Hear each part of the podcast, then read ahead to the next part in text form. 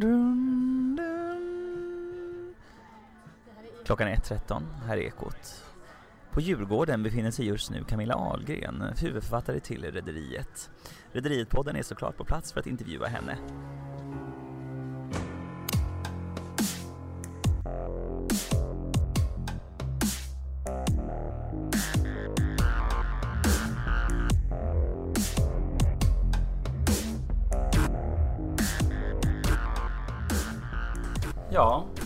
Då kör vi väl igång då Ja, med Rederiet-podden. precis. Vi har ju pre- precis eh, korkat upp en Chateau Neuf de Troc som vi har istället för Chateau Neuf de Pape här. Skål! Ja, skål! Skål och välkommen! Tack! Och då är det Rederiet-podden med mig, Fredrik, Malin? Camilla. våran gäst idag. Jajamän. Ja, Och det är inte vilken Camilla som helst. nej, utan Camilla Ahlgren, huvudförfattare för Rederiet, avsnitt 167 till 318. Woho! Och jag har till och med jobbat med Rederiet i sju år. Ja, det är fantastiskt. jag känner lite så här, vi har varit väldigt eh, exalterade ju Mm. framför, till, inför det här avsnittet, eller inför det här poddavsnittet och poddinspelningen, inför det här avsnittet i den här långa drama, dramaserien kallad Rederiet. Mm. Ehm, nej men just för att nu har vi verkligen chansen att få veta allt. Exakt. Om jag kommer ihåg. Men ni får hjälpa mig. Den lilla detaljen. Vi ska hjälpa dig allt vi kan, vi lovar. Men Eh, egentligen så, alltså så här, vi börjar ju liksom med Berätta lite om dig själv. Jag är född i Lund och sen så pluggade jag i Stockholm på Lärarhögskolan och så har jag bott i Stockholm i 20 år. Tills eh, vi bestämde oss för att flytta ner till Skåne igen. Så nu bor jag på landet utanför Ystad och skriver tv-serier, bland annat Bron och Gåsmamman och Sandhamn, så det är mycket krim. Mm. Ja, väldigt mycket. Mm. Men vad mysigt att flytta ner, eller hur känns det? Måste kännas jättekul. när Mm, man det är jätteskönt. Det är Ja. jätteskönt att sitta där nere på landet och sen kan man åka upp till Stockholm när det Ja, passar. det är inte men, så svårt att komma upp. Men kommer liksom båda ni därifrån? eller Nej, liksom? min man är norrman. Han heter Ja. Martin Aspaug. Han har regisserat men vi träffades på SVT Drama i Stockholm när han Mm. jobbade där. Och sen nu skriver vi ihop bland annat Gåsmamman. Ja, vad kul. Jag kände igen hans namn. Mm. Var, han med, var han med i något i Rederiet också? Med, Ja, han har regisserat Ja. Rederiet och han har dessutom spelat en roll. Aha, eh, kul. Sverre när Karl var på oljeplattformen. Ja, Ah. det är så här, det, Fråga mig inte vilket avsnitt, för kommer jag inte ihåg. Nej. Han regisserade sen. Rederiet också. Ja, Ja. för att det är någonstans i, i slutet av varje avsnitt när bilden stelnar så är det ju alltid avsnittsförfattarens namn. Mm. Eller, eller, eller han, finns han i rulltexterna Ja, efteråt? där som Ja. regi står han nog, eh, han regisserat ett antal avsnitt. Ja. Eh, Efter hundra någon gång där tror jag det var. Ja, Mm. Om jag minns rätt. för man minns alltid vissa så här, efternamn som man har Mm. sett det så Mm. många gånger. Du vet. Ja, Man har ju sett det antal, hur många gånger hade vi sett det Malin? Alltså jag tror att jag har sett det tre eller fyra gånger totalt. Alltså, jag hade ju inte sett det när jag var liten, så jag har Mm. sett det bara på öppet arkiv. Oj jäklar. Liksom tre eller fyra gånger om. Men vissa gånger har jag bara haft igång ljudet bakom, typ när jag sitter och jobbar, så blir det som en liten talbok Har, nästan. har ni sett mig då? Gud ja. Alltså, Som vanligt så är våra gäster eminent, äh, inte eminent igen, vi använder det ordet alldeles för mycket och det är missbrukare typ. Nej men våra gäster är alltid så bra på att svara på frågor i förtid för jag har exakt den frågan. Så här, du spelade ju själv en gång, i alla fall en gång, själv med i Rederiet. Mm. Du var polis. Just det, och då hade jag replik. Mm. Det var den gången jag hade replik. Nej, jag har varit med tre gånger Jag vet en faktiskt. till. Ja. Du är med i sista avsnittet också. Japp, jag är städerska. Mm. Men det finns en till. nej, det får du Ni säga. känner inte igen mig för jag var så uppklädd och eh, fin i håret och klänning. Jag, Silver girl? Nej. nej men jag är på en sån här man ska reda- dela ut pris för årets bästa rederi. Ah, ja, jag. jag vet. Ja. I've seen it. Det är när det går till, till Silverline. Jaha. Ja, det är ganska sent i Mm. serien också. Så Mm. de gångerna är väl de får vi spana. Vi kan eh, skriva ut sen på vår Instagram vilka avsnitt det var ifall folk vill kolla. Ja, det sk- jag tycker själv skulle Ja. Ja. Jag orkar aldrig leta upp vilka avsnitt Mm. var det nu men jag tror det är de gångerna. Men det var de två jag hade replik. Vi Men- hörde ju att det fanns sådana experter som man kunde liksom, som satt och läste in sig på allting det här. Mm. Alltså så här, om det var någonting man behövde dubbelkolla så hade Mm. de liksom koll på Mm. allt. Sånt är ju ganska häftigt ändå. Mm. Som man använder sig av. Ja, precis. Eh, Men vi Ja. har alltså ställt eh, våra lyssnare om de vill ställa någon fråga Okej, till ja. dig. Mm. det kommer vi komma till lite Ja. senare. Eh, men jag tänkte så här. eh, berätta lite liksom, vad gjorde du i serien? Liksom in, I går in arbetet. eh, Ja. Det började, alltså hela min bakgrund egentligen är att jag är lärare från början i svenska och franska och sen så blev det lärarstrejk, jag jobbade på Kungsholms gymnasium och så skulle vi söka nya jobb. Och då var det en kompis till mig som hittade en annons där Drama sökte en guvernant till en, ehm, till en såpa som heter Storstad. Där de behövde, hade fem ungdomar som behövde en privat lärare för att kunna hänga med i skolan och spela in. Ah, Och då sökte jag det jobbet mest på skoj för jag hade faktiskt inte tänkt att jag skulle jobba på TV. Mm. Men så, och då fick jag det jobbet och då blev det sådär, ja men nu måste jag ju pröva detta. Så då började jag där och tog tjänstledigt och var med ett år som guvernant bland annat till Lina Englund och Erik Eriksson. Eh, och eh, även Joel Kinnaman var med. ja. Aha. Eh, och sen efter det så frågade de på Drama, ja men vad vill du göra nu? För de la ner den serien efter ett år. Och jag, Mm. kan du tänka, vad kan du tänka dig att göra på SVT? Det finns en skriptakurs som vi ska ha internt. Så tänkte jag, ja varför inte? Så gick jag en skriptakurs och lärde mig skripta, alltså hålla reda på alla detaljer och sådär. Och sen jobbade jag lite som eh, skripta samtidigt som jag gör lite lärare för jag fick ju inget fast jobb. Och så kände jag väl ändå att det var roligt på, på SVT. Och då kom faktiskt Peter Falk och Christian Wikander och frågade om jag ville vara med och starta Rederiet. Men då hade jag precis gått min skriptutbildning och då kände jag nej, nej men nu vill jag vara skripta ett tag. Det tycker jag är, eh, är spännande så att jag gör det. Så att då skriptade jag eh, bland annat Bert, eh, långfilmen. Ja. Jag jobbade med Bert-serien. Var guvernant på några andra. Det är stort. Ja, det, det är har vi också väldigt verkligen kultigt. växt upp med och många på På 90-talet. något sätt, för att det är ju så här, typ navet i ens uppväxt, alltså Bert och Ja. Rederiet liksom. ja, ja. För att Bert var ju verkligen en så sjukt konstig serie. Ja, och fast rolig. otroligt rolig i efterhand. Mm. När Ja, men man- håller ja, men fortfarande då- idag. Ja, ja, det gör det. Jag kommer mamma fick säga åt oss att sluta säga att vi härmade Bert så mycket så här.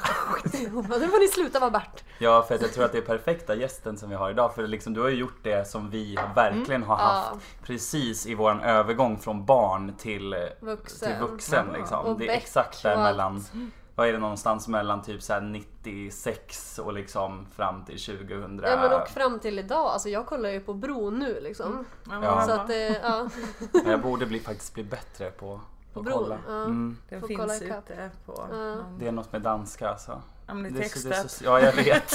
Men det är någonting, jag vet inte. Men det är... var det någon gång inne på att det skulle bli något annat än Danmark?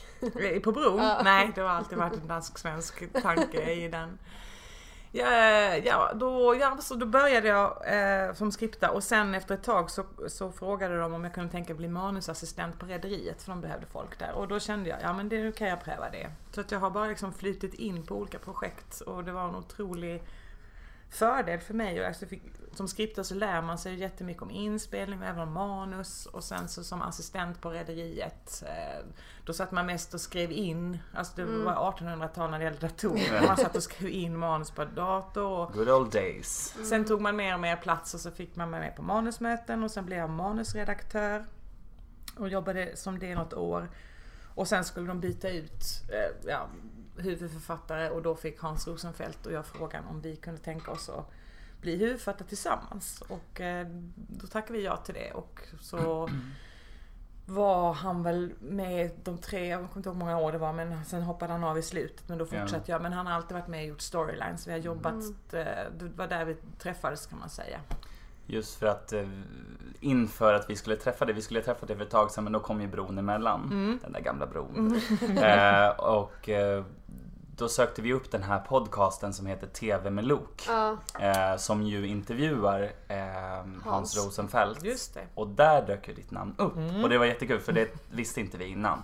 nej att ni Ehm, också skriver Men tillsammans jag visste att han var med och skrev Mm. till Rederiet och han är ju också med någon gång där i Rederiet också. Ja, han har också någon roll och han, någon han skrev också väldigt mycket avsnitt från början och sen blev han huvudförfattare och sen gjorde vi ett antal storylines tillsammans. Men kan du inte ber- berätta lite vad en skripta gör då? Lite En, sk- kortfattat. en skriptare kortfattat sitter och, och tittar så tar man, tajmar man hur lång scenen är. Sen ser man att de säger rätt repliker. Så ser man att de tittar åt rätt håll när man byter kamera, alltså kameravinklar. Och sen så att de tittar på varandra när de pratar, för man tar en bild i taget. Sen ska man också titta på klaffar, att de har rätt kläder, om de håller på har saker i Mm. händerna eller solglasögon, som tar solglasögon och en bild och sen inte i en annan. Det, kan, det finns massa exempel på filmer där du kan hitta sådana klassiska Ja. skriptarfel.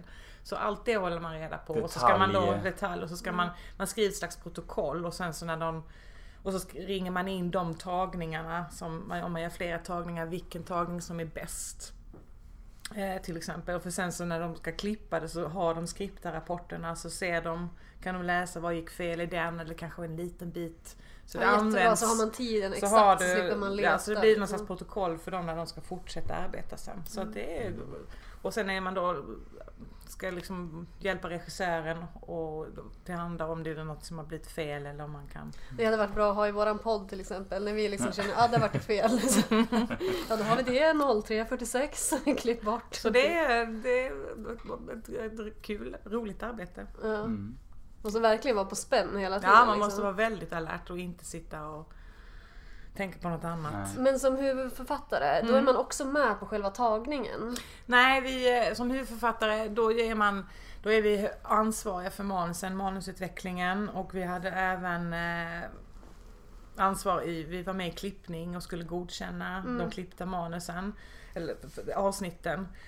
Och vi började faktiskt också på Rederiet Hans och jag, det som man nu kallar för showroom så fint. Mm. Det började vi faktiskt med när vi tog över som huvudförfattare så ville vi att författarna skulle sitta hos oss på redaktionen och skriva för att vi skulle vara en tight manusgrupp eftersom man det är så mycket som hänger ihop inom avsnitten.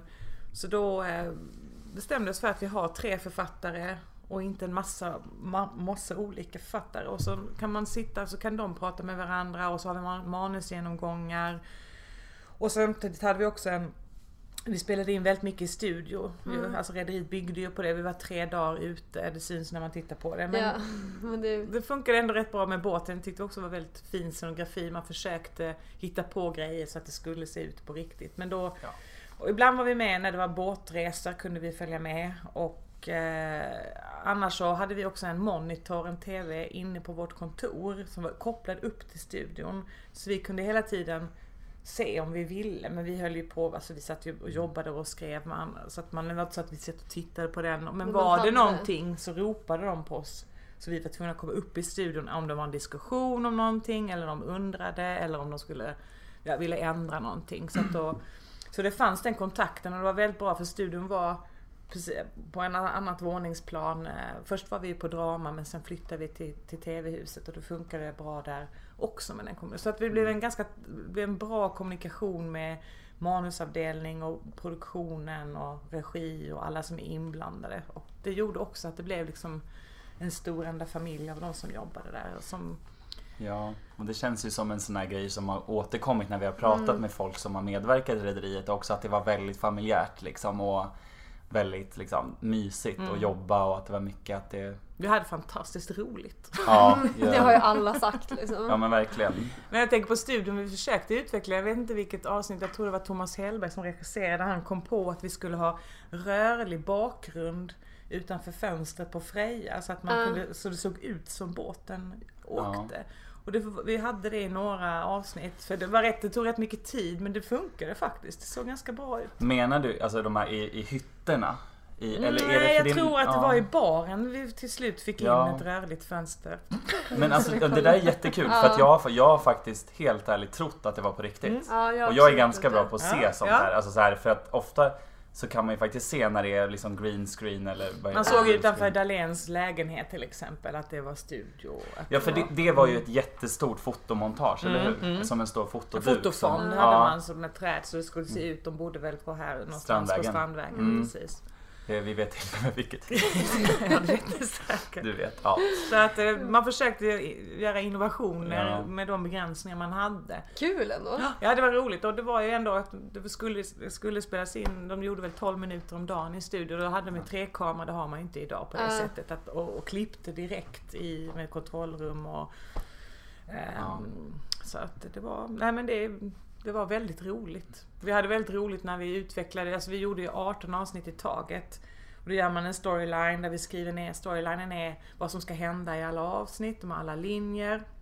Och så radade vi upp alla karaktärer och så satte vi lappar och sen så blev det liksom som en den här säsongens alla avsnitt och alla historier, vad som ska hända, alla karaktärer. Jag har faktiskt kvar alla som vi jobbade med. Men jag, hann, jag tänkte jag skulle hinna titta i dem och tänkte vad har vi gjort? Men jag kommer ihåg en del. Ja. Men säkert- eh, var det mycket som ändrades i dem liksom, i karaktärerna eller så här, Nej, inte, inte jättemycket. Alltså ibland kände man väl kanske att vi inte hade att det inte var riktigt utvecklat och att det kanske inte räckte ett avsnitt, att det blev för kort och då måste man hitta på någonting eller Mm. ja, tänka om och Men var det någon som så här bestämde att bara, eh, som hoppade av eller så som ni fick liksom snabbt skriva ur? Nej, nej, det hände inte. Det vi... eh, Ja men, du vet, alltså när, när Gösta, blev, Gösta Bruzell Ja, blev sjuk, exakt. då var vi ju tvungna då visste vi inte för han ville vara med i- så länge han någonsin orkade in i Ja. det sista. Och vi hade, det var också så att det skulle inte komma ut till pressen och samtidigt så skulle vi ju fortsätta spela in och så hade, tror jag, jag tror det hade fem olika versioner, olika scenarier vad som Mm. bara för att liksom förbereda på ett bra sätt. Men där fick man ju ändra och då var också frågan om man kan, hur vi skulle fortsätta sen och att lite tid hade gått och sådär. Så att, men vi tyckte ändå att vi fick, fick till det bra. Sen var det väl någon gång Johannes Brost, någon hade brutit benet tror jag. kom Ja, när han försvinner. då var vi tvungna att hitta, snabbt hitta Ja, på just det. någon olycka eller någonting och någon anledning till att han sen skulle gå på kryckor. Jag kom, det var väl mer så att då får vi bara lösa det Ja. där och då. Och, och det gör man alltid. Mm. Ja, för i vissa så här när det har varit eh, säsongsavslutning eh, och så när nästa säsong börjar. När vissa, säso- när vissa säsonger börjar så börjar det direkt efter. Och vissa så har det ju Mm. Gått typ, tid. ibland, det är något avsnitt typ när Viktor Remmer har dött eller Ja, någonting. när de står och pratar om det vid graven. Mm. Och det är ju, Så- det är ju jättelångt efter. Det Ja, måste ju vara något så här halvår eller Ja. något år eller något Ja. sånt där. Men när vi gjorde storyline, när vi har gjort en säsong så ofta ska man ju sluta med en ganska dramatisk Mm. cliff. Men vi visste aldrig vad som skulle hända sen. Utan vi tänkte, äh, det, det, det tar vi hand om när vi sätter Mm. igång Ja. nästa gång. Så att det var...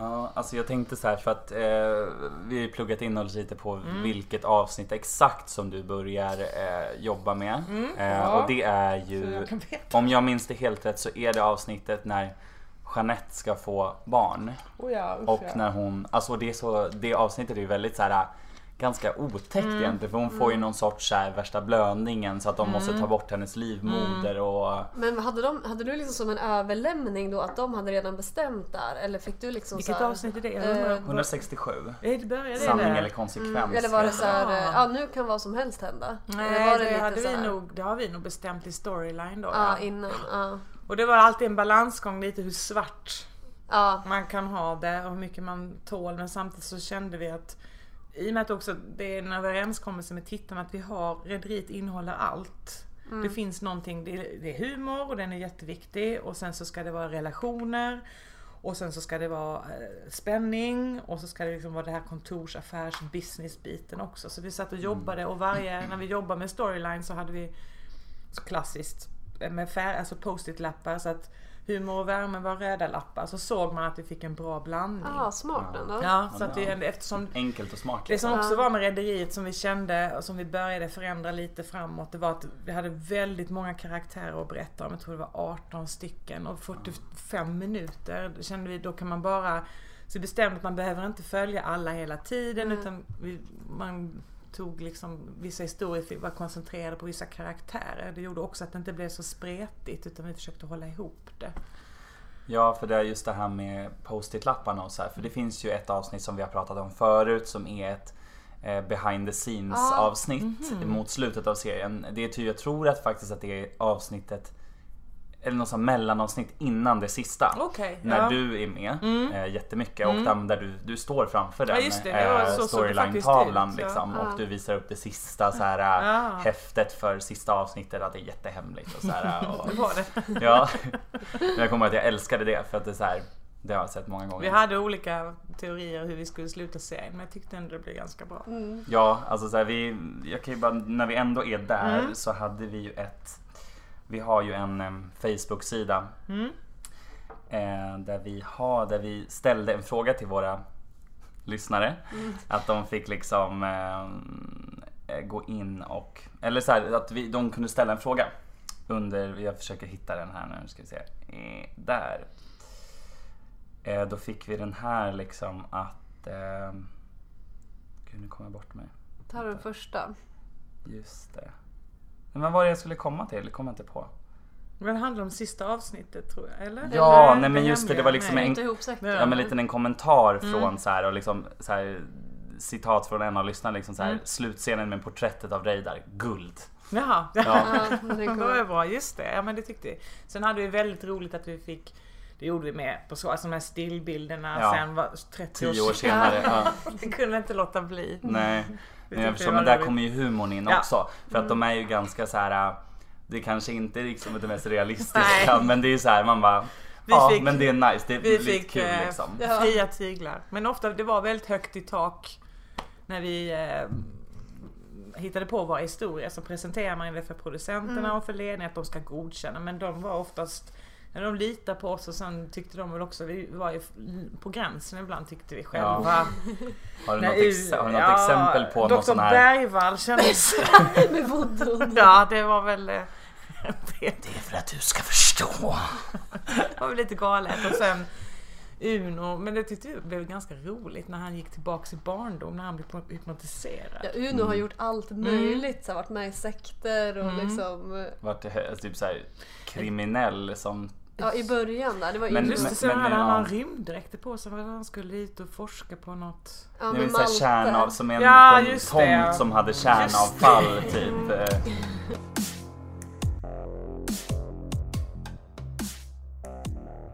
För att komma tillbaka också Mm. så, här, så har jag också gjort en väldigt, alltså en, en, några scener i ett avsnitt som är väldigt, väldigt så här, alltså sorgliga. Mm. Alltså till exempel som barnbegravning.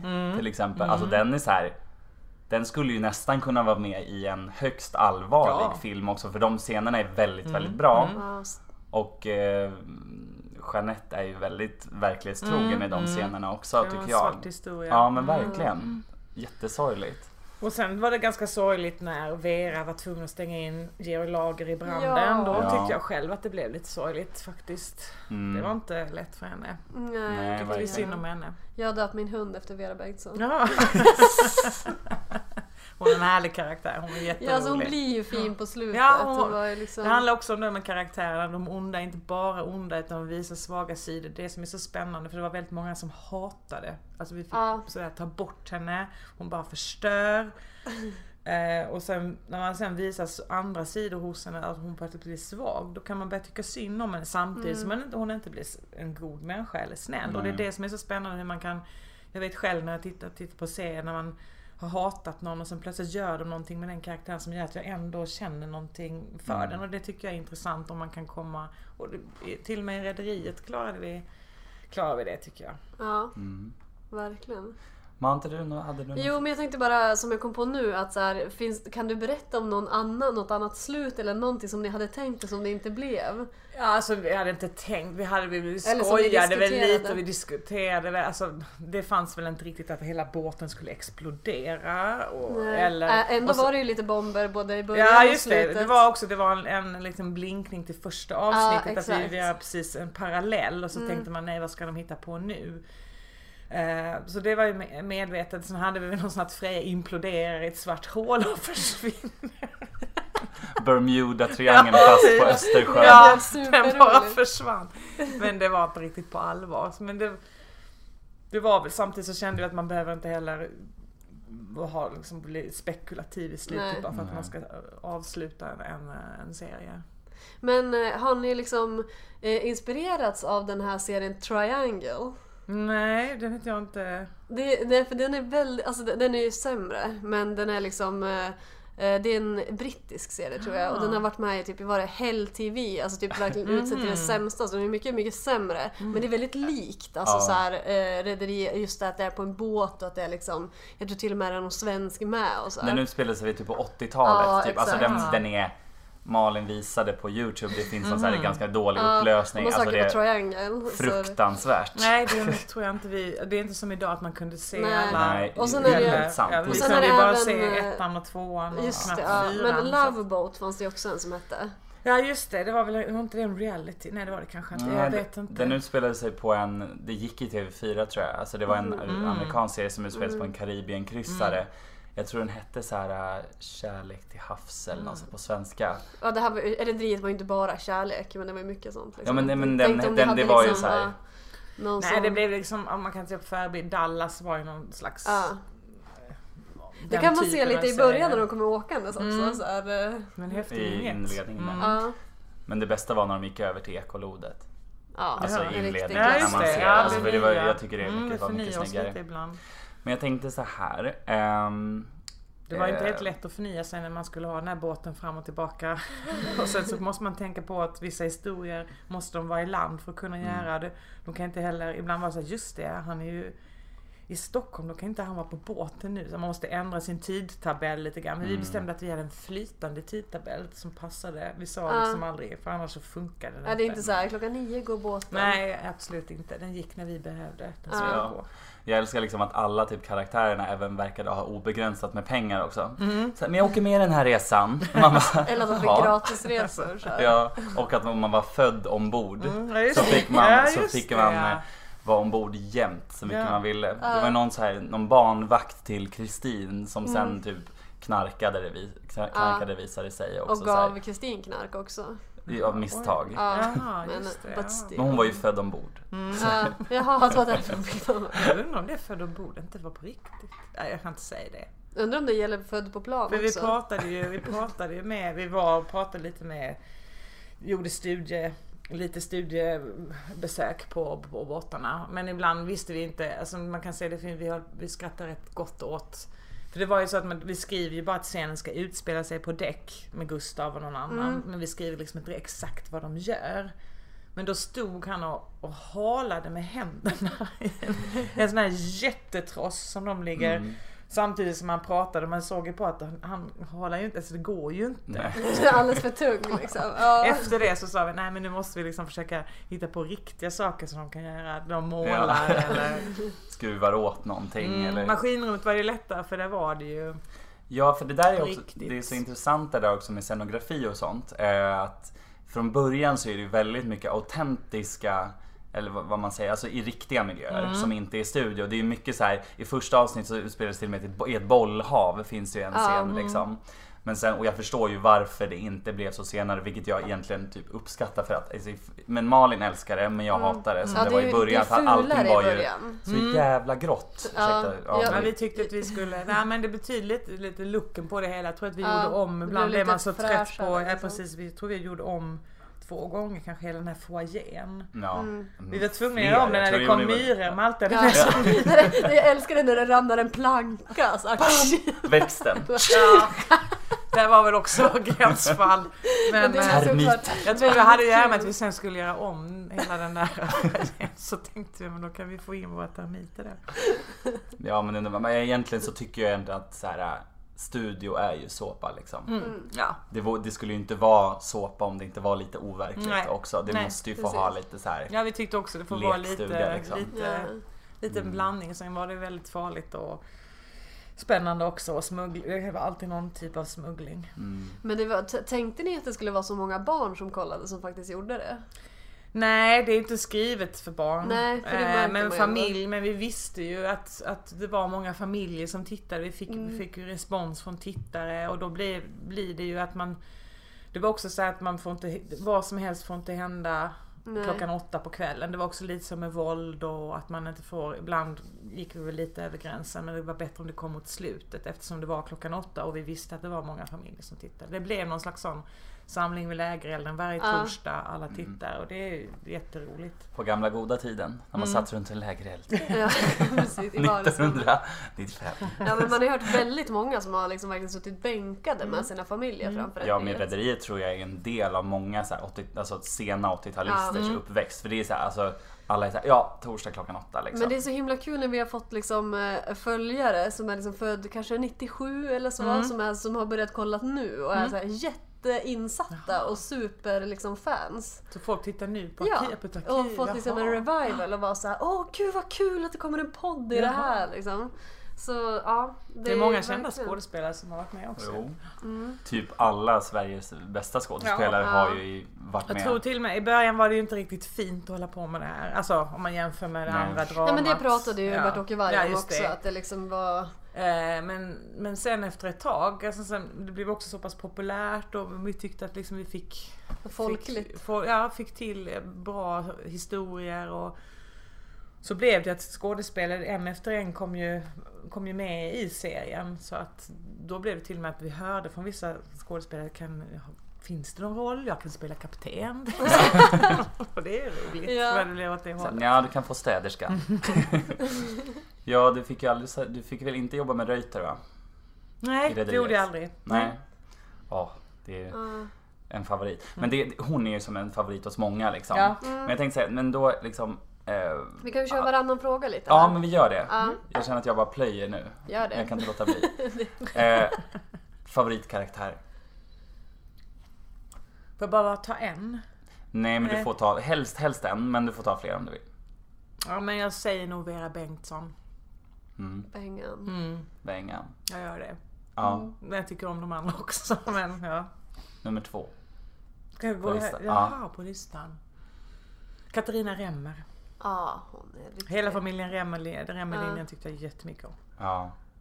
Ja, det verkar så här så spretig Mm, familj men väldigt riviga. Alltså de, de var ju inte alls tråkiga liksom. Ja, spännande. Spännande Ja. karaktärer att, att jobba med och väldigt duktiga skådespelare. Ja. Nästa fråga Malin. Mm, då undrar jag om det var tanken från början att Reidar skulle vara far till alla barnen. Nej, inte till alla. Men det blev så efterhand att vi tyckte att ja, men det kan väl vara en till då. För det är ju väldigt så här, det passar ju väldigt Mm, bra ja. och att det blir som en så här gudfader till hela... Ofta har man ju skrivit en slags, eh, inte, de hade bibel, men man har en slags karaktärsbeskrivning när man börjar en serie. Det har vi haft på Bron till exempel också, men ganska kortfattat. På Rederiet hade de ganska tjocka. Och, och när man läser dem, alltså de använder man ju inte sen när man håller på att göra nya avsnitt eller en ny säsong för då hittar man ju på utifrån och så Hur får man se att det stämmer liksom. vad, som, vad, har de gjort, vad har de sagt tidigare och så att inte man säger att min pappa dog och sen plötsligt nästa säsong kommer hans pappa eller då får man ju förklara att det var fake men det är så. Alltså att man så på det viset så kan det komma upp nya barn och ja, Ja. någon är släkt med någon eller så att eh, Som det ska vara. ja, ja, när det Verkligen. passar Men så historien. det var inte liksom tanken från början? Nej, Liksom. nej. Ofta har man, ofta har vi liksom inte, vi visste ju inte hur många, vi visste aldrig hur många, att när det skulle sluta eller vi, vi gjorde liksom en säsong i taget Då och så gör man ett stort slut och sen tar man, får vi se och nästa säsong får man börja hitta på utifrån hur slutade det och vad kan vi ta vägen med Det var det. ganska kaxigt bara, nu tänkte vi göra en serie här på tio år. Mm, nej, det var ingen som hade planerat det. Men så himla roligt. Ja. Så grattis till att det blev så. Ja. Till att du har alltså, satt så mycket av... i Ja men efterskott det, Grattis i efterskott. från Rederiet podden. Nej men ändå så här, alltså som... Att man gjort så mycket avtryck Mm, med en sån rolig grej Mm, liksom. Som, är, som det. är så mångfacetterad liksom och handlar om så mycket grejer och... Min pappa var lite rolig för han tittade inte på sån TV. Och han, ja, man sa att man jobbade där men det var liksom passerade. Men sen hamnade han på sjukhus och då låg man på en sal och alla skulle titta på TV på en torsdag. Och då så satt han, jaha men det är ju min dotter. Så, Ja. så då förstod han och tyckte att det var jätteroligt. ja. Kommer in. Mm. Ställ nästa också man. Eh, Jaha, ja, är det jag igen? Ja. Eh, mm, då, eh, vi brukar fråga våra gäster då som har varit skådespelare, är det där ditt riktiga hår? Men det ska jag inte fråga till dig. Ja, det här är mitt riktiga. Utan jag tänkte mer fråga en hårfråga till, eh, alltså om du hade, du kanske inte hade så mycket att göra med det, men om du visste liksom, eh, vad- körde ni mycket peruk?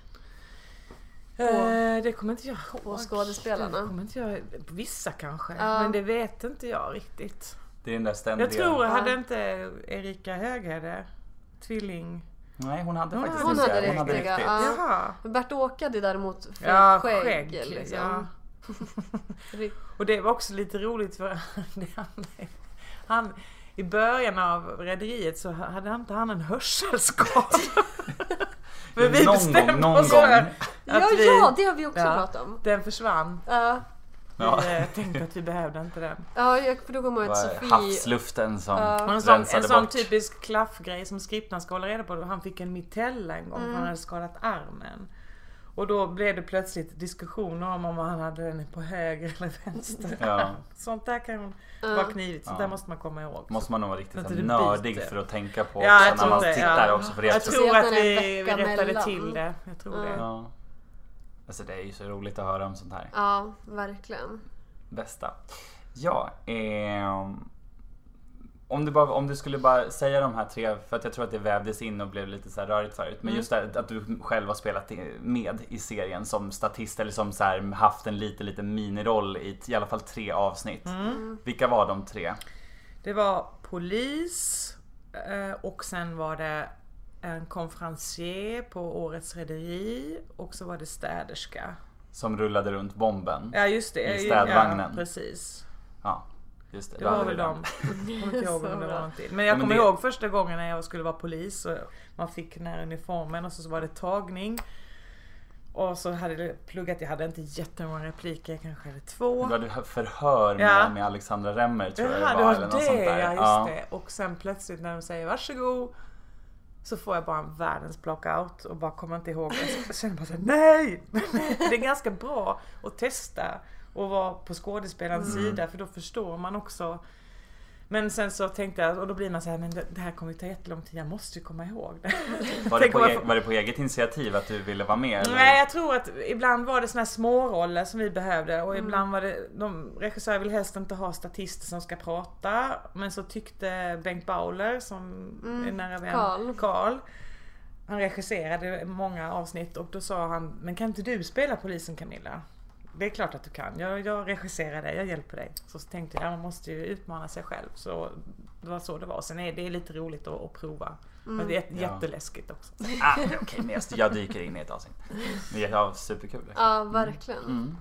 Ja, då tänker jag kolla om du någon gång har haft en svacka och liksom tänkt så här: nej nu, nu lägger jag ner det här rederiet. Ja, det måste man. Det, det blir det ju Ja. automatiskt när man håller på så länge. Eller man kan känna, åh den här historien blev seg. Mm. När vi höll på med någon, några, jag kommer inte ihåg, det mässen och det var lite strejker och grejer på gång. Kände jag, det här var inte så roligt. Men det, Malin, kommer du ihåg? Vi hade, jag tror vi hade någon, vi hade ju också haft vissa svackor i den här poddinspelningen. När vi har känt så här, nej men alltså, vad är det som händer? Men någon gång hade vi ett riktigt så här down när vi liksom det var något avsnitt som vi var verkligen så här, jag vet, du kanske kommer hålla med, men det var någonting så här när liksom Joker pratar i språket och, och typ Vilket, vet, vet ni vilket avsnitt det är? isbryget! Det tycker vi som tyckte vi var jätteroligt då. Nej, Ja. det, det, det är klart att det blev, sla, eh, blev svackor. Man försöker ju hålla...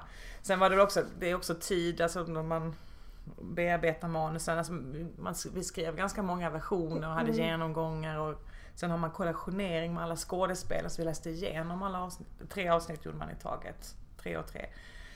Och då satt man också kanske ändrade repliker men eh, det- är så med allt man håller på med tror jag att det blir en svacka ibland. Så får man ta sig Behövs kragen väl, så ja. blir det roligt igen. Det behövs väl en svacka för att det ska bli Ja, ska- men, och sen tror jag så här, för vissa kanske det är en svacka, men till exempel den här fackgrejen, det tror jag många som känner igen sig från sina jobb Mm. kanske gillar det jättemycket. Att så här, åh men det är ju exakt den här frågan vi har liksom. Och att Gustav Jo kanske men till sådana, exempel sådana var en ämnen var ju förebild. viktiga, det märkte man ju lite grann när man tog upp sådana saker som jag kommer ihåg även som var en svår linje att, att ta upp i en sån här serie som vi kände, Mm. hur går det här med Margaretas bröstcancer? Hur ska man hantera den här typen av serie? Det är Ja. väldigt svårt. Men det tycker jag blev bra. Ja och då var det ju många som, som tycker att det är så bra att vi tar upp sådana ämnen där Mm. man själv kan känna igen sig och att det finns. Att, och samtidigt som vi håller på med ett isspråk eller bombhot så ska man ha det också. Så att man, det blev ju en väldig blandning men vi Mm. försökte. Mm. Ja men det är så bra.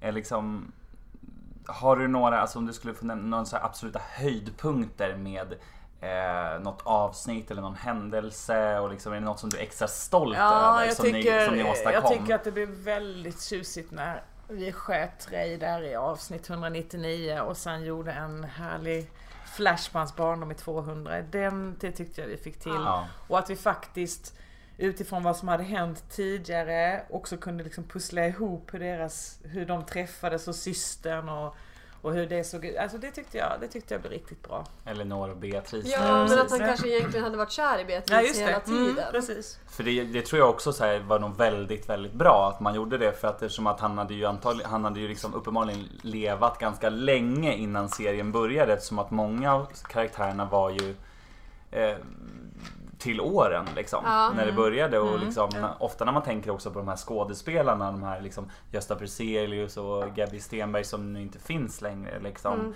att de hade ju haft värsta skådespelarkarriären för In- Ja precis. 30 år sedan innan Mm. Rederiet, eller 20-30 år sedan innan Rederiet också. Så tror jag det här är liksom, eh, vad heter det, Livet går i revy avsnittet Mm. eh, var bra för att man skulle förstå också. Som vi, ja. Så det tyckte jag och sen har jag väl så tyckte vi fick till det här med, alltså, ofta blir det någonting som händer så kommer det kedjereaktioner. Jag tyckte, och så gav en historia med, med Uno och Nunna när vi hade den här nakenkonferensen Ja. samtidigt. Och så var det felbokningar och så blev Uno kär i en nunna. Så det tyckte jag blev, det var en ganska liksom far out knäpp historia men jag tyckte att den funkade. Men ja men 200 tror jag, det tyckte jag blev Mm. bra. 300, just det, det var Freja som berättade. Vi försökte alltid när Ja, det var men den liksom är också ett- rolig, det var också, jag. det var också någonting, det var tvungen att göra någonting annat men jag tyckte också det var lite... Var ni eh, Kul. säkra direkt att hon skulle ha finlandssvensk röst? Nej, men jo det hade vi nog tänkt från början. Mm. Ja, det ville vi. Vet du vem det var som gjorde, minns du vem det var som gjorde Nej. rösten till Freja? Nej. Nej, inte jag heller. Nej, inte jag.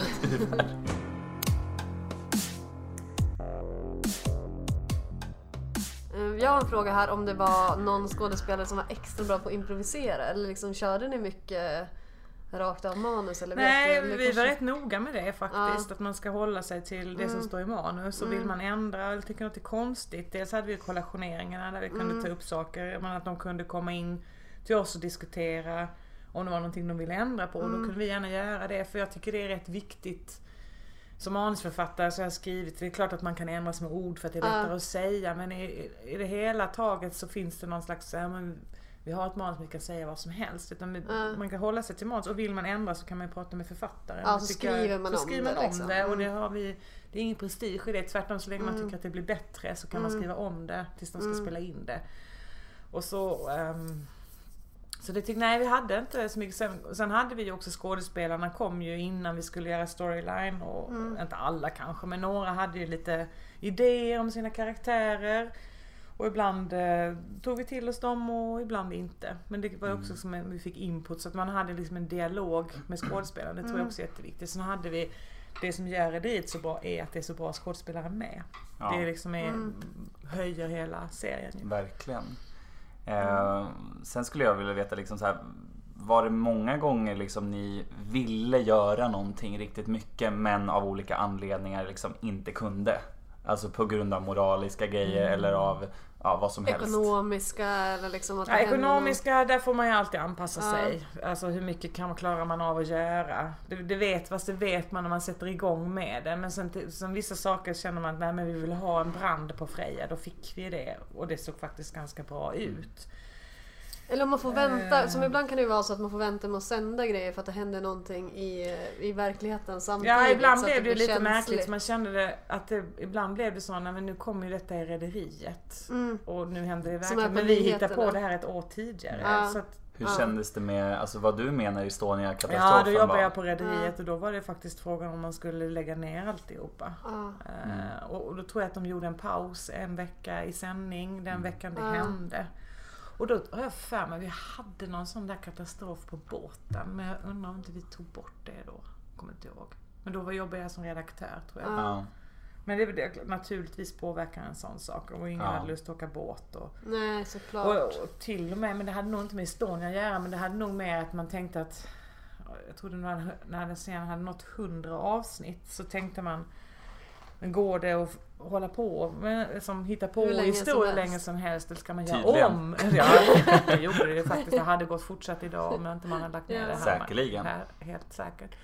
Men då var det faktiskt, var faktiskt på iväg på en konferens utomlands för att prata med internationella experter om vi skulle göra om hela båten till ett hot- hot- hotell. Aha. Var det med Silver höll på att Ja, bygga. för det pratar de ju om. Ja, och då funderar man på, ja men kan man behålla båten eller ska man göra om alltihopa? Liksom skrota båten, hotell, för då är man på land och då är det inte fram och Hotell tillbaka. Freja liksom. Ja, Det hade ju typ. inte varit samma sak. Nej. Nej, och då kände vi själva när vi hade diskuterat så nej. Alltså antingen då lägger man ner serien och, och säger det här är en ny serie som heter Hotellet. Mm. Mm. Eller så fortsätter vi med vår båt. Och det tror jag var väldigt bra att vi Ja. Det kom ju en, en såpa rätt många, många år senare, eller typ, typ 99-2000 någonstans som hette Hotell eh, Seger.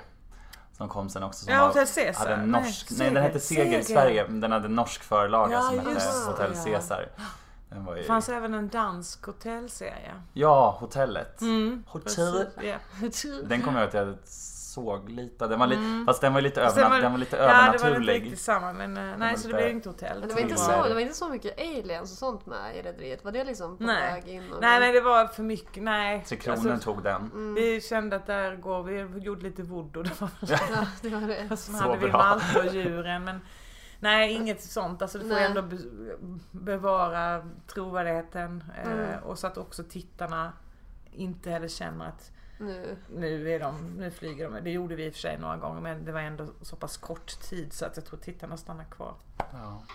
Mm. Var, det, var det något fans som, eller var det fans som vände sig till dig eller till er och ville ha tillbaka, alltså när liksom skådespel, eller när karaktärer hade dött eller försvunnit ur serien som ni hade plockat ur? Var det någon som liksom hörde av sig och bara ta tillbaka den här? Ja, det var det säkert. Jag kommer inte riktigt ihåg. typ kanske vi fick- lager liksom. Ja precis, de trodde väl kanske inte att han dog och ja. Ja, Det var alltid lite så. Ibland måste man också för att kunna hitta på nya historier så var vi tvungna att ta in nya karaktärer. Men tar man in nya karaktärer så måste man plocka bort några. Ja. Det- är bara så. Vi kan inte ha hur många som helst. hur många som helst. Och vi tyckte ändå att vi hade väldigt många. Och ibland så känner man att vi behöver in ny energi. Att det kommer in nya karaktärer som Slatten. sätter igång. Ja.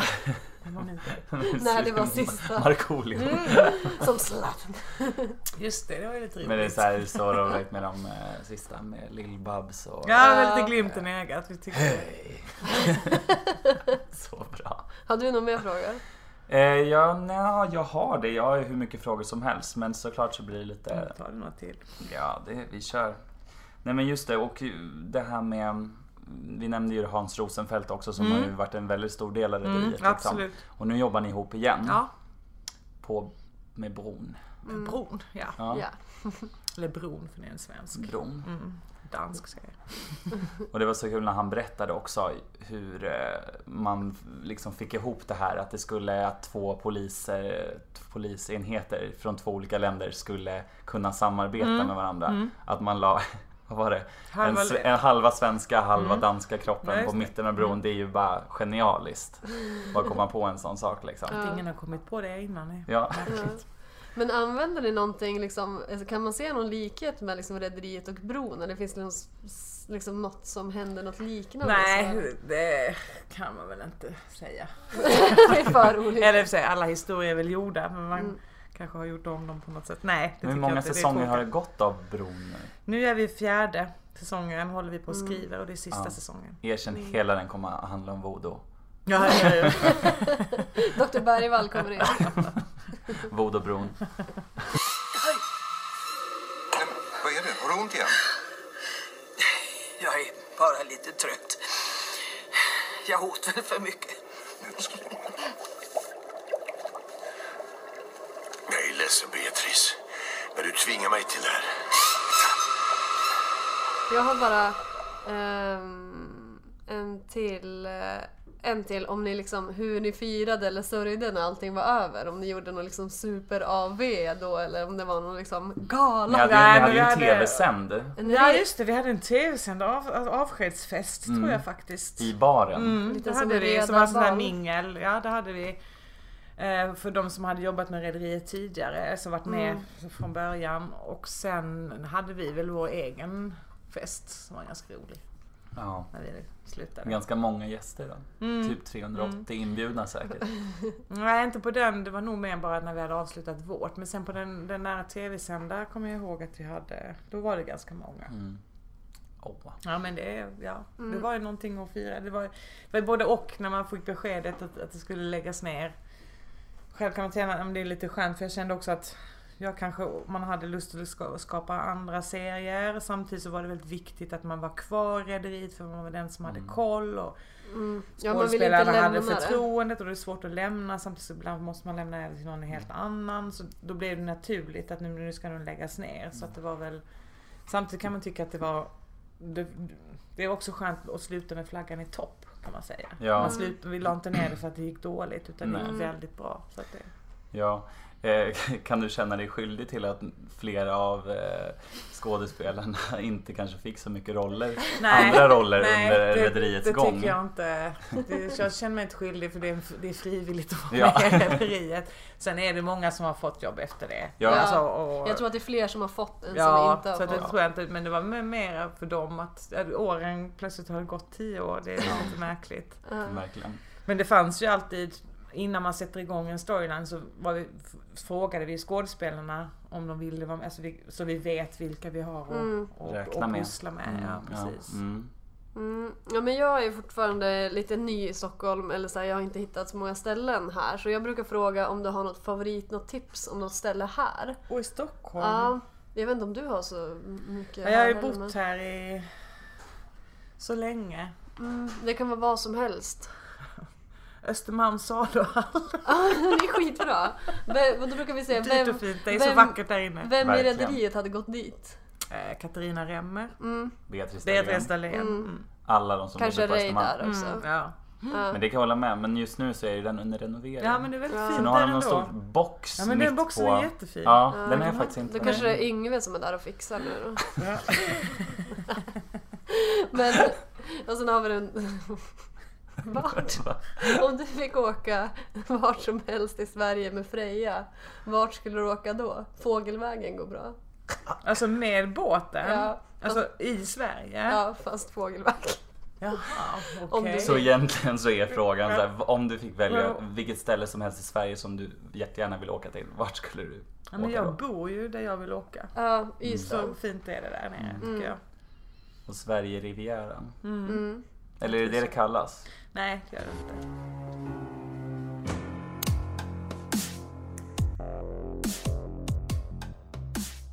Vilka är era favoriter? Jag blir så nyfiken när ni kan. Ja. Har ni någon? Alltså ni får säga en var. Ni får börja det. ja. Men kanske ni redan har haft er podd naturligtvis. Mm, Jag vet inte alltså. Det, och så kan det kommer då då. variera lite grann också, tycker jag. Alltså jag...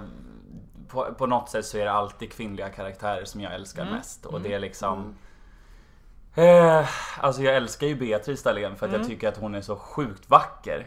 Alltså for being an elder woman. Liksom bara så här så ståtlig liksom. Majestätisk. Ja, Pondus, ja. ja. men verkligen pondus. Liksom. Och nu, när vi har hört med, med skådisarna som vi har intervjuat att hon var verkligen sån så här, tog hand om och liksom bjöd hem folk och så här, Ja. var Jag jättemysig. var nära vän med henne också. Ja. Ja. Även efter rederiet faktiskt. Ja, det var härligt. Eh, ja, alltså det är så roligt för att eh, när jag var liksom yngre och inte kollade på Rederiet, jag kollade bara någon gång. Det enda jag kommer typ ihåg var att jag tyckte att så här, Tony verkade sliskig och att Emily verkade läskig. Liksom. Men nu är min favorit Tony. Ja. För att vi, alltså hans miner, alltså att han liksom, det går alltid så himla dåligt för honom. Så roligt. Det var Ja. så, han var loser. Ja och hans min, hans min liksom sammanbitna Ja. leende när han liksom Och verkligen så här det bästa. Alltså han, han, han var så, jag tycker han var väldigt bra på att ha den där den här besvikna rösten. Ja, ja men till och med när någon har liksom blivit biten Ja, jag är en loser! Och när liksom skorpionen har dödat liksom Viktor Remmer, då är han ändå liksom så här. Kommer billigt undan. Att han, inte ens då kan han tycka att liksom, ja, nu. Ja, den där jag brukar imitera lite av Okej, karaktärerna jag förstår det. Emellanåt. Så att eh, Jag kan Ja. blir lite Och att man kan liksom känna sig själv som Tony ibland, Mm, alltså när man har en dålig dag. Kan man, det är i alla fall inte som Tony. Ett bra exempel på eh, en karaktär kanske som många kanske kan säga så här. "Ah, jag mår i alla fall inte som Tony. Jag ville bara kolla hur du är med dig. Säg vad du vill istället. Jag behöver hjälp. Ja, det brukar vara därför man kommer hit. Jag behöver någonting på Viktor. Han har lurat av mig alla mina pengar. Lägg ner det, Tony. Ni spelar inte i samma division. Ja, men har du något eller inte? Så jag ska ha tillbaka mina pengar.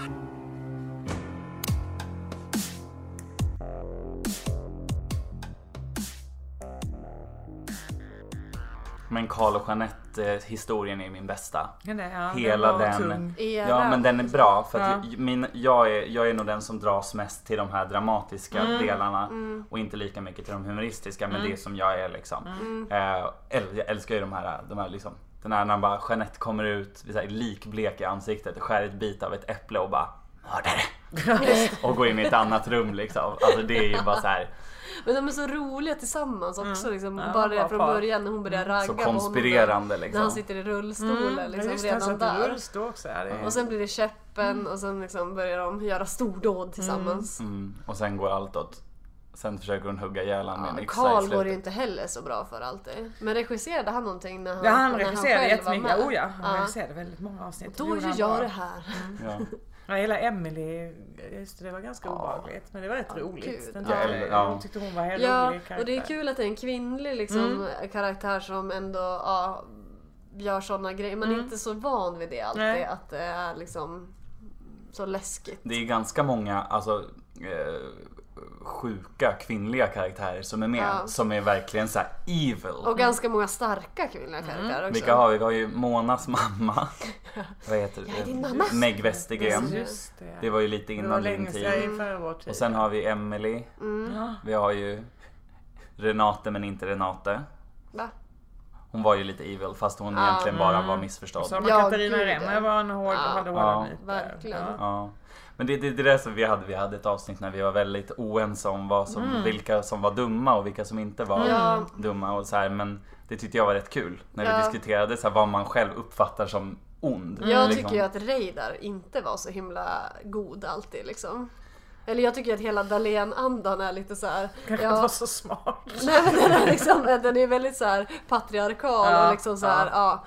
det, Väldigt så här 40-tal typ. Ja men och att så här, eh, han säger ju alltid att han ska så här börja vara med familjen, gör det aldrig. Han liksom fifflar omkring med folk och smusslar. Så det är ju elakt på ett sätt. Men det jag tyckte Fredrik var ju ingen, det var ju ingen elaking. Så vi hade väldigt... För mig är väl mer så här bara, någon som är elak det är den som typ så Mm. här, vill mörda någon. Det Typ. blev ju Ja. två psykopater. Viggo Ja. blev ju psykopat. Ja Viggo var Ja, ju riktigt Mm.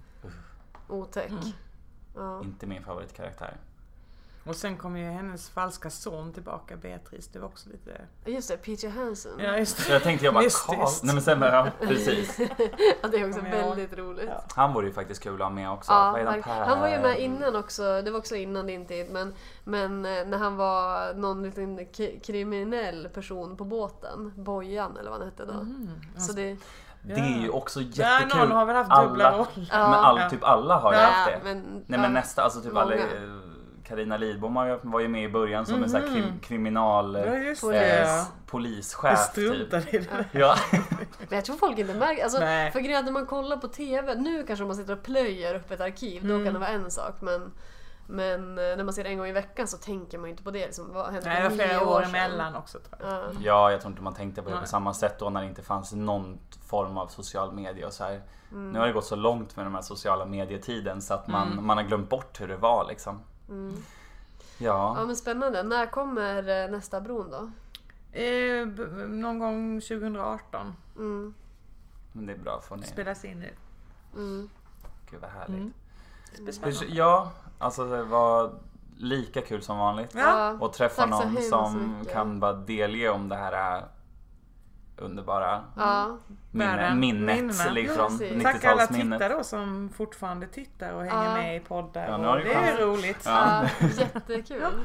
Ja. Lycka till fortsättningen. Tack jag ska lyssna på er podd nu. Måste Ja jag men gör men det. gör Var det. beredd på lite flams men ändå Ja men det ska det väl vara. trams. Vad var, det, vad var det vi fick för recension av en väns pappa? Mm.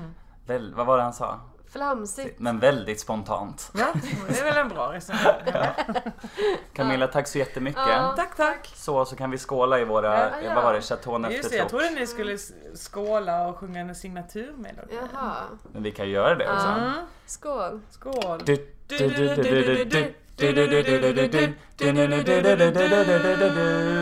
Nato, vad är det?